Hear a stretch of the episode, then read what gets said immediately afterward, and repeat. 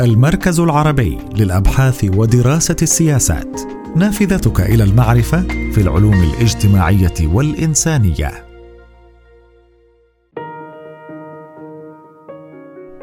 حسابات واشنطن في أوكرانيا ومحاولات احتواء روسيا تماشيا مع التوقعات الغربية والأمريكية تحديدا. أطلقت روسيا صباح يوم الرابع والعشرين من شباط فبراير 2022 عملية عسكرية شاملة في أوكرانيا حددت هدفها بنزع سلاح هذه الأخيرة والإطاحة بحكومة الرئيس الأوكراني فلاديمير زيلينسكي الساعي إلى ضم بلاده إلى حلف شمال الأطلسي الناتو. وهو ما ترفضه روسيا. ردت الولايات المتحدة الأمريكية وحلفاؤها في الاتحاد الأوروبي والناتو وآخرون بفرض جملة من العقوبات الاقتصادية والسياسية على موسكو شملت الرئيس فلاديمير بوتين والإدارة الضيقة المحيطة به وزادت الدول الغربية من حجم مساعداتها الاقتصادية والعسكرية لأوكرانيا بهدف رفع تكلفة الغزو على روسيا وقد دفعت هذه الإجراءات الرئيس بوتين إلى التهديد المبطن باللجوء إلى السلاح النووي ما أجج المخاوف من إمكانية اتساع المواجهة وتصاعدها جراء خطأ في حسابات أحد الطرفين. سلاح العقوبات. اتبعت واشنطن وحلفاؤها اسلوبا متدرجا في فرض العقوبات على أمل أن يمنع ذلك روسيا من اتخاذ إجراءات تصعيدية أكثر.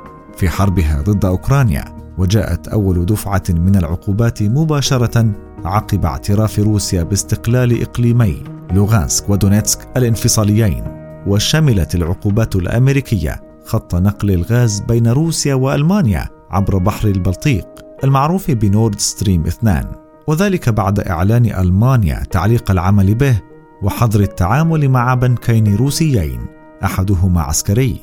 وتضمنت أيضا منعا لتداول الديون السيادية الروسية في الأسواق الغربية إضافة إلى فرض عقوبات على الأثرياء الروس المقربين من الكرملين وعلى أفراد عائلاتهم.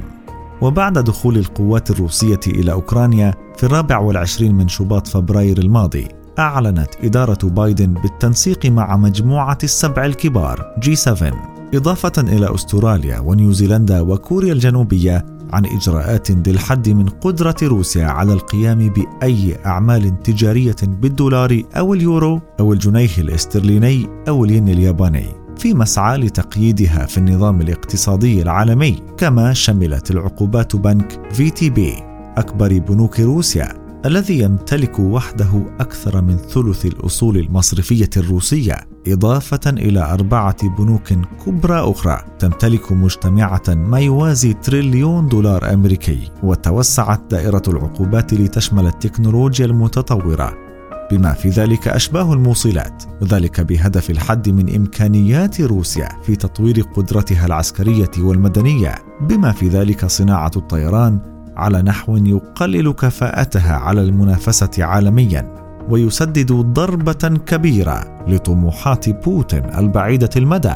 وفي اليوم التالي الخامس والعشرين من شباط فبراير أعلن البيت الأبيض انضمامه إلى الاتحاد الأوروبي في فرض عقوبات تستهدف الرئيس الروسي ووزير خارجيته سيرجي لافروف. وبهذا يكون بوتين أول رئيس لدولة كبرى يخضع لمثل هذه العقوبات. ولينضم بذلك إلى رئيسي بيلاروسيا وسوريا ألكسندر لوكاشينكو وبشار الأسد. وفي السادس والعشرين من شباط فبراير قررت الولايات المتحدة والمفوضية الأوروبية وفرنسا وألمانيا وإيطاليا وبريطانيا وكندا عزل عدد من البنوك والمصارف الروسية عن نظام سويفت للتعاملات المصرفية والتحويلات المالية الدولية وتوسيع دائرة الكيانات والأفراد القريبين من الكرملين. بما في ذلك عائلاتهم وتجميد أصولهم التي يمكن الوصول إليها في العالم. والحد من قدرة البنك المركزي الروسي على الوصول إلى احتياطاته من العملات الأجنبية والمقدرة ب 630 مليار دولار. وفي الثامن والعشرين من شباط فبراير انضمت الولايات المتحدة إلى دول أخرى في فرض عقوبات على صندوق الثروة السيادي الروسي وعلى إحدى الشركات التابعة له. ما ضاعف الضغوط على الروبل الروسي الذي فقد 30% من قيمته تقريبا خلال الأسبوع الأول من الحرب. حسابات المواجهة على الرغم من تشديد الولايات المتحدة وحلفائها في الناتو على أنهم لن يشاركوا عسكريا في الحرب الدائرة في أوكرانيا إلا إذا جرى الاعتداء على دولة عضو في حلف الناتو.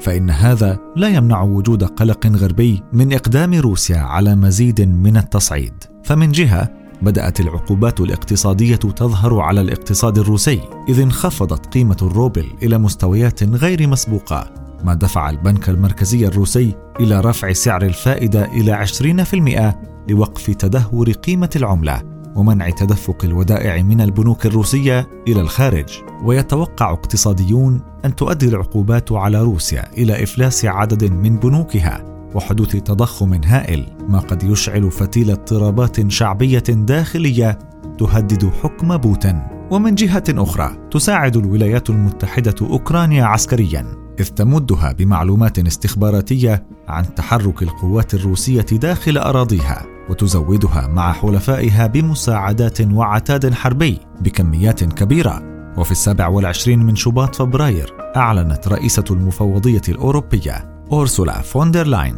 أن الاتحاد الأوروبي سيمول إمدادات الأسلحة لأوكرانيا وهذا ما تفعله دول أخرى في الناتو أيضا. تزيد هذه الإجراءات من شعور الرئيس بوتين بالعزلة والحصار وتخشى بعض الدوائر الغربية أن يدفعه ذلك إلى مزيد من التصعيد. وكان بوتين هدد مع بدء اجتياح أوكرانيا بأن أي طرف سيتدخل في الأزمة سيواجه عواقب لم يختبرها في تاريخه.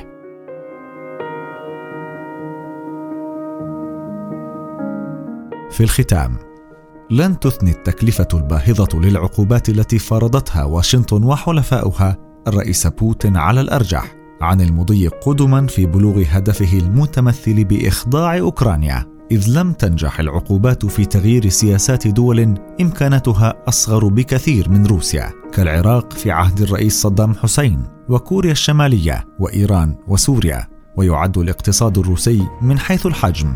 الحادي عشر عالميا بقيمة 1.7 تريليون دولار وهو ما يؤهله للتأثير في استقرار الاقتصاد الدولي.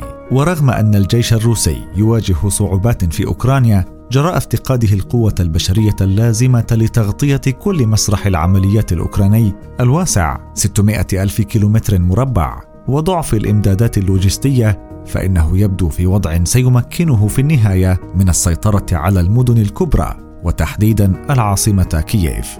وإن بتكلفة أكبر مما كان متوقعا نتيجة الدعم الكبير الذي تحصل عليه أوكرانيا من دول الغرب.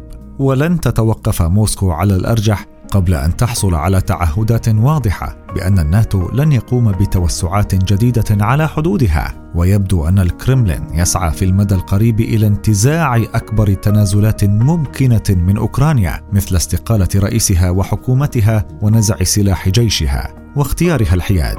لكن وفي كل الأحوال سيكون ثمن اجتياح أوكرانيا كبيرا على روسيا. جراء العقوبات غير المسبوقة التي فرضت عليها واحتمال دخولها في مستنقع يستنزفها سنوات وفي ظل عدم وجود حلفاء أقوياء لها يمكنها الاعتماد على دعمهم. لمتابعة أخبار المركز وفعالياته تجدون تفاصيل المواد والأبحاث في وصف الحلقة على منصة البودكاست التي تستمعون منها وموقعنا الرسمي.